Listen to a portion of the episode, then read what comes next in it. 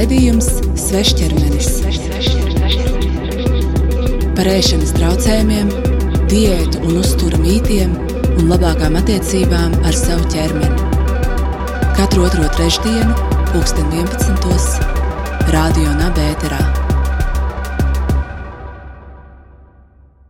Labdien, raidījums Svešķermenis klausītāji! Šodien ar jums atkal kopā Mārta un Kristiāna. Viesos šodien uzņemam Kseniju Andrijānovu, uzturu speciālisti un uh, uzturu komunikācijas pētnieci. Uh, Ksenija raksta savu blogu Ksenija komentē.lv. Tas arī ir tas, kā par viņu uzzinājām mēs. Raidījuma veidotāja komanda, un Kseniju esam aicinājuši pie mums viesos, lai atbildētu uz jautājumiem par dažādiem uzturu mītiem. Ksenija arī dalās savā pieredzē un padomos, kā atslābt attiecībās ar ēdienu. Sveiki! Tātad mani sauc Ksenija, un es esmu veselības aprūpes speciālists ar uh, uzturu speciālistu kvalifikāciju, uh, uzturu zinātnes maģistrs un arī komunikācijas zinātņu maģistrs. Līdz ar to uh, savā darbā es ne tikai strādāju kā uzturu speciālists, kas konsultē par ēdienu gan veseliem, gan slimiem cilvēkiem, bet arī pētu uzturu komunikāciju kā tādu, kā, tātad, kāpēc mēs saņemam tādu informāciju par uzturu no mēdījiem un sociālajiem mēdījiem un no citiem avotiem, kādu mēs viņu saņemam. Un kā veidojas dažādi uztura trendi, mārketings, un kāpēc, piemēram, mainās tie produkti, kas vienu dienu ir veselīgi, un tad nākamajā dienā tiek pasludināti par neveselīgajiem. Tā kā es esmu izveidojis tādu kombināciju no uztura un komunikācijas, kas ir arī mans sirdslieta, ar ko es ikdienā nodarbojos.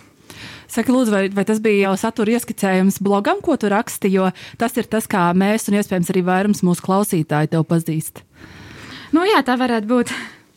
Pastāstīja varbūt par motivāciju blogam. Kā tu viņu sāki un uh, kas bija tā motivācija to uzsākt? Nu, jūs varbūt gaidat kādu cēlu stāstu par to, ka es gribēju palīdzēt sabiedrībai. Patiesībā nē. Uh, mans pirmais impulss bija uh, vienkārši novelt no saviem pleciem visas tās pārdomas, kas man ir sakrājušās par uzturu un pārtiku. Jo es sev apkārt redzēju diezgan daudz aplams informācijas un diezgan daudz netaisnību. Tā piemēram, pie manis nāk klients un saka, Nu, jā, es tur atsakos no burkāniem. Un es jautāju, kāpēc tu atteiktos no burkāniem, un cilvēks man pretī pasaka, nu kā, tur taču ir daudz cukura. Un vispār, ja mēs gribam notievēt, mēs nedrīkstam ēst burkānus. Vai tad jūs to nezināt? Un es uz viņu skatos un saku, zini, godvārds nezinu. Mācījos sešas gadus un pirmo reizi dziedu, kur tu to esi izrāvis. Un tādā veidā esmu uzkrājis tos diezgan daudz mītus un dezinformācijas, ko cilvēki iegūst no daž, no dažādiem avotiem, diemžēl arī no šķietami labiem mēdījiem. Un e, tā man izveidojušās vairākas tēmas, ko es izdomāju adresēt tādā varbūt mazliet smieklīgā, mazliet pat igna un ceņiskā veidā, ar jokiem, ar memēm. E, un tā ir tapa mans blogs, kas principā kļuva populārs dažu stundu laikā, ko es arī negaidīju. Es biju domājis, ka iespējams tas būs tā kā mans, nu, kaut kāda vienkārši man atpūtas vieta, kur es izlieku savas domas. Un tad pēc pāris stundām es iegāju internetā un attapos slavena. Cik lieliski, jo es tevi arī pazinu, iepazinu no posta par uh, omīšu zaptītēm, kur, kur noņem to pelējumu nost un, un turpina to zaptītēst, kamēr, kamēr beidzās. Tas man likās tik lieliski, jo man kaut kā tā intuitīvi vienmēr ir licies, ka varbūt tomēr nevajag ēst to, to iep, iepilējušo, iepūšo zaptīti. Bet eh, redz, kā tev, tev tomēr ir tāda zinātniskā pieeja, un, un, un tu apstiprini, ka to zaptīt varbūt nevajag ēst. Bet varbūt eh, pievēršoties tādām, eh, mēs, ie, tu ieminējies ļoti interesantu tēmu par tiem mītiem, kad pie tevis vēršās cilvēki un saka, lai notievētu, mums ir jāatmet no savas sēdienkartes burkāni. Varbūt varētu vēl mazliet pastāstīt kaut kādus savus mīļākos, mīļākos mītus, kurus tu esi dzirdējis varbūt visvairāk, jo es pieļauju arī, ka mūsu klausītāji būs noteikti dzirdējuši šādas pieņēmums, kas mums būtu jādara, lai mēs būtu veselīgāki. Es teiktu, galvenais mīts, kas turpinās nu jau cauri desmit gadiem, ir tāds, ka, lai notievētu, tev ir nepieciešama diēta. Un diēta nenozīmē veselīgu dzīvesveidu šajā kontekstā, bet tas ir tāds īs, īstermiņa ierobežojošs pasākums. Piemēram, nedēļu pārtiekam tikai no griķiem un zaudējam 7 kg. Vai trīs nedēļas ēdam tikai 500 kalorijām dienā un zaudējam 20 kg. Svara samazināšana tiek uztverta kā kampaņu veida pasākums. Tad, piemēram, notievēt uz kāzām, lai ielīstu smukā kāzu kleitā, notievēt uz fotosesiju, notievēt pēc bērnu piedzimšanas. Un tas netiek skatīts kā pārēja uz veselīgiem ieradumiem un veselīgu dzīvesveidu. Tas tiek skatīts kā īstermiņa kampaņa, un tas ir ļoti, ļoti kaitnieciski pašam pret sevi. Tāpēc, ka zaudētais svars ļoti ātri atgriežas atpakaļ un atgriežas viņš ar uzvēju, ja cilvēks zaudē ne taukus, bet muskuļu masu. Es teiktu, tas ir vislielākais un visbīstamākais, kas mums ir. Tālāk ir visādi pasākumi un mīti, kas paredz izslēgt no uzturu produktu vai produktu grupu. Populārākais laikam būtu glutēns. Veseli cilvēki labprātīgi atsakās no glutēna, pat ja jūtas labi to patērējot, jo tā piedāvā meitene Instagram, jo tā saka, ka influenceris vai kāda aktrise vai viņi tā ir izlasījuši grāmatā. Cilvēkiem ļoti patīk grāmatas, viņi domā, ka tā ir liela autoritāte. Patiesībā grāmatu šobrīd var izdot ik viens un uzrakstīt jebko. Vai tu plāno savu grāmatu izdot? Kadreiz man bija tā doma, un es viņu nesmu atmetusi. Nu, tad redzēs, varbūt šobrīd ir īstais laiks, lai kaut ko sāktu rakstīt. Tā, ko vēl no mītiem varētu. Nu jā, galvenais tad. Uh, Uh, ir tas, ka mēs uzturvielas pasludinām vai par absolūti ļaunām, vai par absolūti labām. Līdzīgi ir ar cukuru. Uh, ir populāri tā saucamie bezcukura challenge, jeb izaicinājumi, kur cilvēki, pieņemsim, 21 dienu atsakās no cukura. Tā pašā laikā viņi patērē pienu, kur ir piena cukurs, laktoze vai augļus, kur ir augļu cukurs, fruktoze. Nesaprotot, ka principā visi cukuri, ko mēs uzņemam organismā, viņi agri vai vēl tepat sašķels līdz glikozē, jo glikoze ir vienīgais, ko organisms spēj pārstrādāt tālāk enerģijā. Nu, jā, viņi tad uztver to nevis kā daļu no procesa, bet izņem to vienu uzturvielu no konteksta un pasludina viņu par ļaunu. Līdzīgi ir ar laktozi.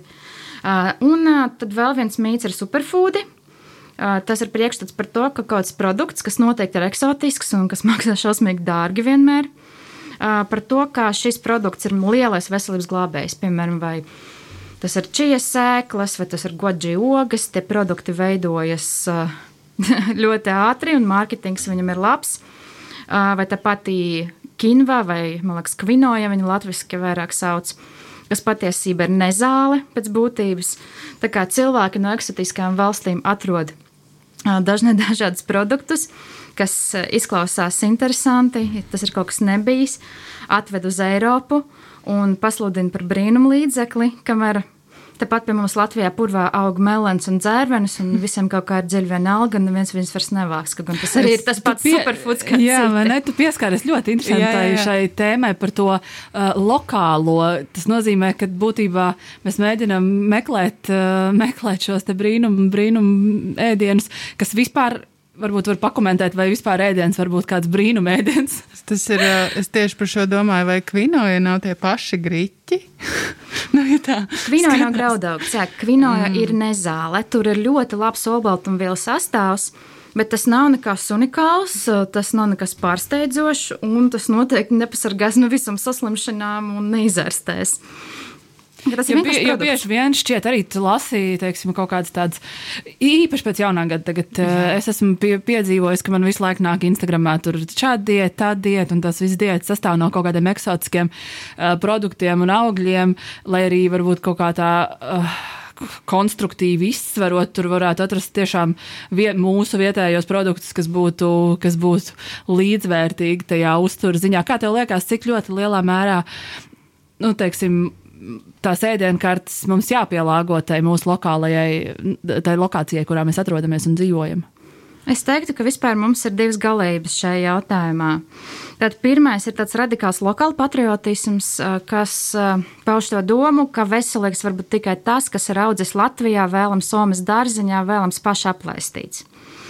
Bet uh, Protams, ja mēs transportējam produktus, piemēram, augļus un dārzeņus, viņam tā transporta procesā var rasties nelieli uzturvielu zudumi, piemēram, mazliet samazinās C vitamīns un tā.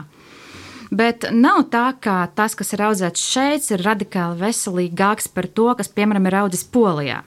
Ļoti patīk minēt Poliju kā tādu kā sintētisku produktu piemēru, īpaši runāt par polijas aboliem, kuriem apkārt ir vaska kārtiņa. Vaska kārtiņa ir pilnīgi dabiska, jo tas ir veids, kā abols aizsargā sevi. Un es teiktu, ir labi lietot vietējo pārtiku ar tādu domu, ka viņi nav ceļojis pie mums garu ceļu. Līdz ar to tur ir bišķiņi vairāk to uzturvielu. Bet tas nenozīmē, ka viss, kas ir nācis no ārpuses, ir tukšs, kaitīgs vai slikts vai pilns ar kaut kādām citām kaitīgām vielām. Tas ir tieši tikpat laba pārtika, viņa vienkārši ir bišķiņa procesā paceļojusi. Nu, es domāju, ka lokālajai pārtikai vairāk pievēršas tīri no ekonomikas puses, lai atbalstītu kā, savējos un nodrošinātu darba vietas Latvijā, Latvijas iedzīvotājiem. Bet, ja mēs skatāmies tieši no uzturvērtības puses, nu, tur nebūs tādas ļoti radikālas atšķirības. Un tas pats ir ar visiem. Nu, jā, tā bija pirmā galējība, ka mēs aizējām tādā lokālā patriotismā. Un otrs ir, ka uh, cilvēki šobrīd ir apguvuši turismu uz, uh, piemēram, Āzijas valstīm. Uh, un uh, no turienes arī, piemēram, uz Āfriku, nu, tādiem, teiksim, eksotiskākajām valstīm, ja tā var izteikties.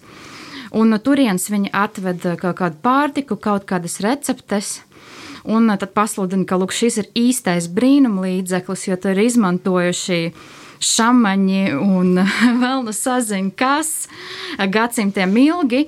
Un par tiem valstīm viņam patīk veidot mītus. Ja, piemēram, paskaties, cik tie cilvēki ir veselīgi, viņi mazāk slimo ar vēzi, viņi mazāk slimo ar autīmunam saslimšanām.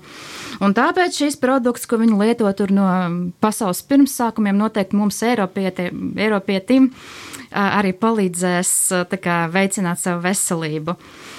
Bet tā arī nebūs, jo viens produkts nekad nebūs ne glābējs, ne slepkava. Tas nav iespējams. Bet kā lai mēs navigējam? Tas ir tik sarežģīts jautājums. Kā lai cilvēks, kuram nav uh, varbūt šāda zināšana un izglītības un, un iespēja, varbūt kā, kā lai mēs navigējam caur visiem šiem uh, ieteikumiem, tur diētām vai, piemēram, uh, kāpēc ķermeņa formas tu vari noteikt, kāda tev ir vajadzīga diēta tas ir tā ir informācija, kas mums gāžās visu laiku pāri galvai. Tas lielākoties, man liekas, ir nu, tas jautājums par mārketingu un par to, cik ētiski ir mārketinga veidā, pieņemsim, latviešu ābolu audzētājiem pasludināt, ka viņa ābolu noteikti būs labāka kā tie polijas vaskainie. Nu, kā, man liekas, tur tie, tur tie mīti arī rodās, un tad droši vien ir jautājums, kā tam mārketinga burbulim vienkārši tikt cauri un saprast, kas ir vispār īsts un kas nē. Jā, runājot vispār par mārketingu, no manas puses būtu ļoti liela uzruna ražotājiem, jo es redzu, ka viņi paši šauj sev kājā ar mārketingu, ko šobrīd viņi nodrošina. Piemēram, ja mums ir viens gaļas ražotājs, viņš norāda, ka viņa cīsiņa nesatur natrija glutamātu. Tas ir pilnīgi nekaitīgs, ir mācspienā.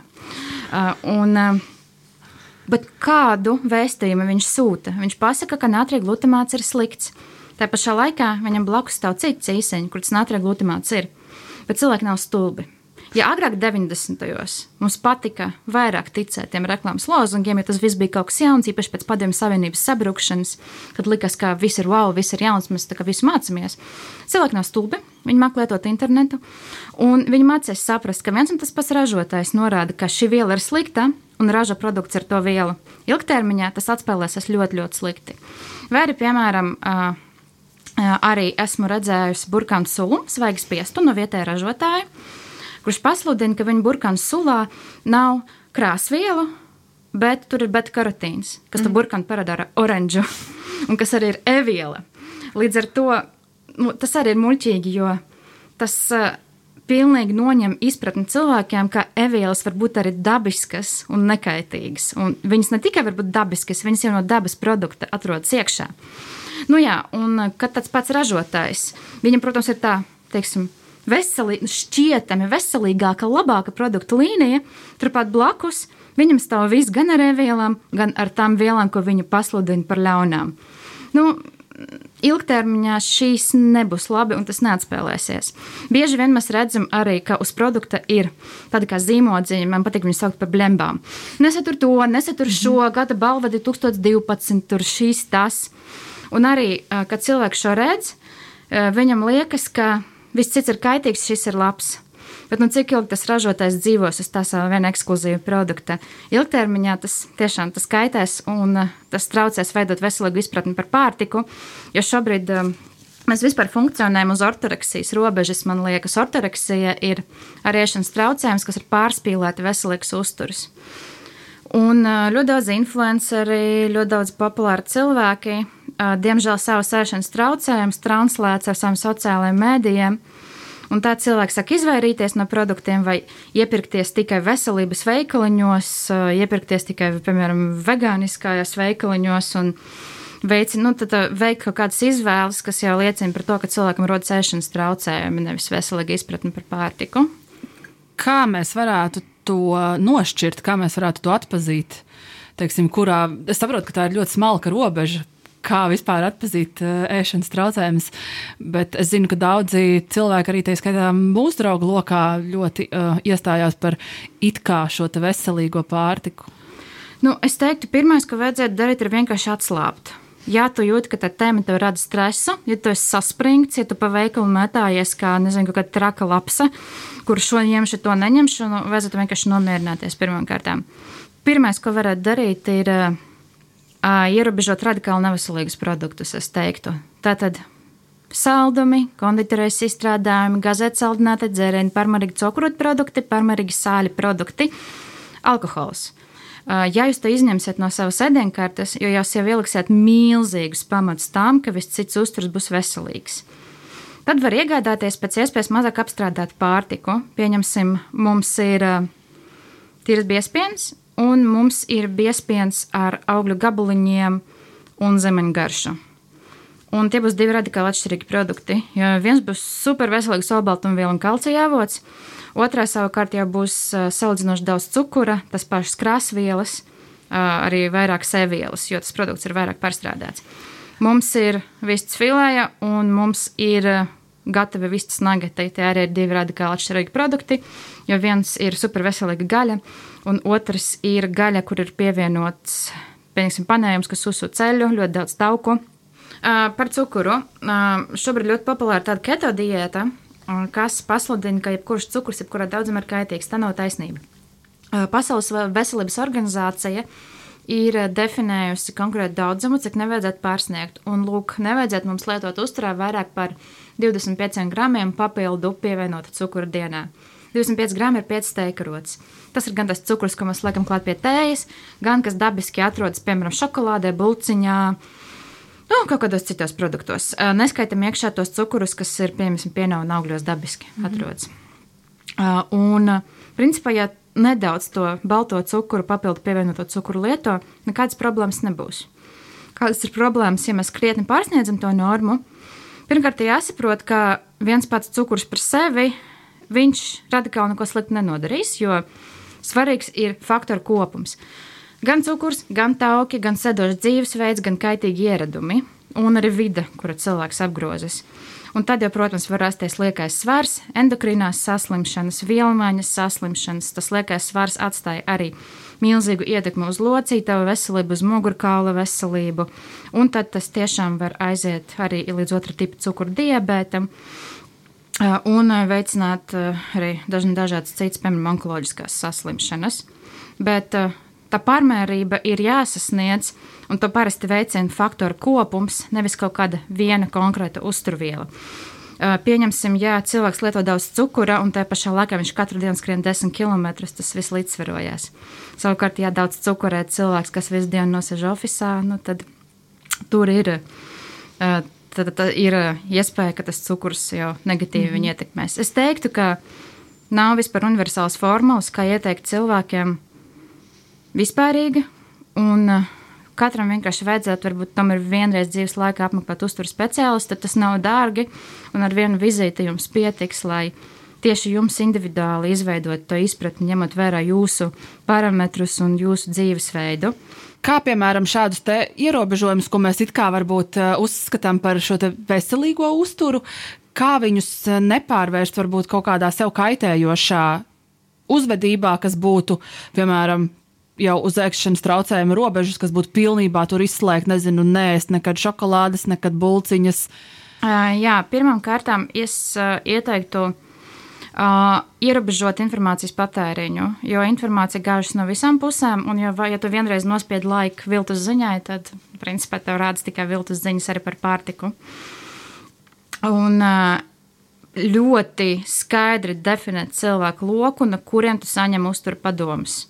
Izslēgt no turienes mājaslapas bez autoriem, neautoritatīvus medijus, influencerus, izņemot tos influencerus, kuriem ir izglītība medicīna vai uzturzinātne, jo pa laimi mums Latvijā arī uzplaukst tādi, kas ir uzturu speciālisti un ārsti un kas ir populāri Instagramā. Izņemt ārā no sava informācijas loka arī radiniekus, kas šķietami vēl labu, bet patiesībā piepilda tev smadzni ar visādām kaitīgām diētām un kaitīgiem uzskatiem. Īpaši, diemžēl, bieži vien to nodara mammas savām meitām jau no bērnības, ieliekot tos aplamus pamatus, kas, un meitene beig beigās izaug tāda ar paranoidālu attieksmi pret pārtiku. Uh, piemēram, noņem visu tā ādiņu un nekad viņu neēd, jo mamma te ir darījusi. Un tie, tie mazie sīkumi, kad tu novēro, piemēram, ģimenes dinamiku ar uzturu, tu ļoti labi redzēt, ka māte saka savu bērnu ietekmēt uz to negatīvo pusi, un bērns visu laiku ir saspringumā. Un viņam liekas, ka ēdiens ir slikts. Mm.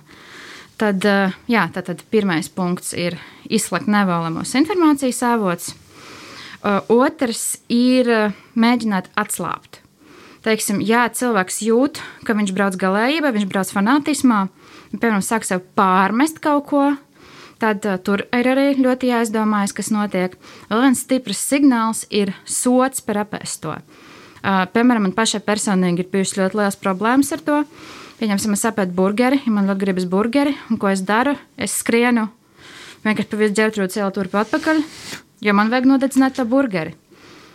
Ēdiens nav sots tev nav jāpiemēro sots par dabisku procesu. Tas burgeris ir sniedzies man uzturvielas. Varbūt pat daudz, bišķi nekam man tajā dienreizē vajadzēja, bet tas nekas. Tā kā jebkurš ēdiens ir vajadzīgs, lai mēs uzturētu dzīvības funkcijas, viņš ir vērtīgs, viņš ir labs.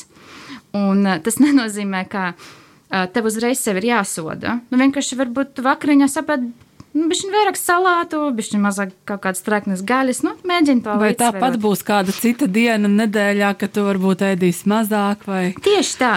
Jāpiet uh, ar vēsu prātu, mēģina visu līdzsvarot un nepārmest sev un nezāģēt sevi. Uh, jo mēs sev esam par uzturu vislielākie kritiķi. Uh, ļoti patīk vainot sabiedrību, varbūt vainot vīriešus. Protams, tur arī ir liela loma, bet mēs paši sev esam tie vislielākie kritiķi par uzturu. Un, diemžēl sievietes pašas mēdz ļoti, ļoti uzkurināt to vidi un atmosfēru. Un to redz arī, piemēram, ikdienā. Es domāju, ka vienam ir piemēra, ka komunicēt ar draudzenēm. Jūs aiziet uz foršu vakaru, kur jums ir alkoholiska kokteļa un suši. Un tad sākas, nu, meitenes pēc tam divas nedēļas vairs nēst. nu, meitenes, nu, pēc tam neieladīsim svārciņos, bet tas nekās šodien dzēram. Bet uh, tas ir šausmīgi neveselīga attieksme izbauda dzīvi, vienkārši grēko. Nu, pēc tam kaut kā to līdzsvaro. Es neaicinu uz pārmērībām, jo man bieži vien pārmet, ko tad tu aicini tagad mums tas visus dzīvot brīvi. Nē, vienkārši Esiet mierīgi, darat pareizi, brīžiem arī norējoties no ķēdes, brīžiem izbaudiet, bet nesodiet sevi par to, nezāģēt sevi par to. Nu, kaut kā tā. Tas viss Cik... ir par līdzsvaru. Par Jā, līdzsvaru. Cik es saprotu, tad tā arī būtu, būtu tā ves, tās veselīgās attiecības ar savu ķermeni un ēdienu, tā, tas līdzsvars mm. un tā, tā teikt, nesodīšana. Nu, jā, sevis nesodīšana. Tu, tu vienkārši pieņem to, ka tu vari kādreiz apēst kaut ko vairāk vai it kā neveselīgāk. Un, bet par šo man īstenībā ir uzreiz jautājums. Višķiņa atpakaļ par to cukuru un glutēnu, par tām, nu, kad tas tiek tagad pasludināts, ka tas ir viss sliktākais un uh, nedrīkst to ēst vispār. Man vienmēr liekas ļoti interesanti, ka, protams, ka tajā brīdī, kad tu pilnībā izslēdz cukuru un glutēnu, tu izslēdz arī čīpšus, tu izslēdz arī bulciņas, un loģiski, ka tajā brīdī svars krītās, ja tas vienmēr, nu, iepriekš ir bijis kaut kas, ko tu visu laiku lieto uzturā. Nu, tā kā kad nevis tiek domāts par to, ka ne jau tas cukurs kā tāds ir problēma, bet tas, kādos produktos to cukuru tu patērē. Jā, precīzi, precīzi tā tas arī ir. Tagad cilvēks uzsāk, piemēram, bez cukura vai bezglutēna diētu. viņš automātiski no ēdienkartes noņem ļoti daudz lietu, kuram tur nemaz nevajadzētu būt ikdienā. Saldumi, konditorijas izstrādājumi, visi tie gazēti saldinātie dzērieni, pusfabrikāti. Un, protams, ka cilvēks jutās labāk un viņam kritās svars. Vēl viena svarīga lieta, ka šāds diētas šķietami palīdz tev pārņemt kontroli par notiekošo. Jo šādām diētām parasti nepievēršas cilvēki, kuriem ir laba dzīve. Viņam noteikti ir kaut kādas problēmas. Varbūt viņam ir gremošanas traucējumi, visu laiku pušās burkšķvēders. Varbūt viņi netiek galā ar savu svaru veselīgā veidā. Un tad viņi atrod to savu vienu diētu, un viņam uz brīdi ir sajūta, ka kontrole ir viņu pusē. Viņam ir arī jaunas receptes, ko viņi apgūst. Viņam ir komūna, ja viņi uzreiz Facebook atrod domu biedrus. Un viņam ir jauni cilvēki, jauna vide, un tas viņus padara laimīgus. Visu to pašu varētu izdarīt vienkārši pārējot uz veselīgu uzturu bez izslēgšanas. Bet tas ir sarežģītāk mazliet. Un uh, tur varbūt nav jo arī visas tas bezglutēna diets, keto un viss cits. Tur ir tāds liels tāds kontrakultūras elements. Tā ir spītība, tā ir pretošanas sistēmā, jo ārsti un uzturs speciālisti mums uzspiež šo. Šī produktu piramīda ir novecojusi, un tā, un mēs zinām patiesību, citi nezina, mūsu lokus ir īstais.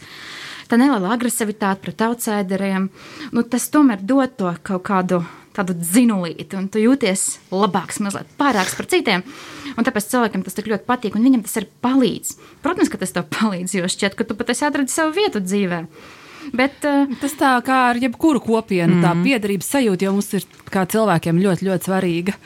Nu, un tad tajā gadījumā tu piederi šim te vai no nu, keto klubiņam. Jā, vai... tu identificējies, principā tu identificējies ar savu pārtiku. Sarunas otro daļu klausieties nākamajā raidījuma svešķermenis epizodē. Tajā runāsim par keto diētu, par influenceru atbildību izplatot informāciju, kas saistīta ar uzturu un veselību, kā arī to, kā sociālajie mēdīji ietekmē mūsu izpratni par ēdienu.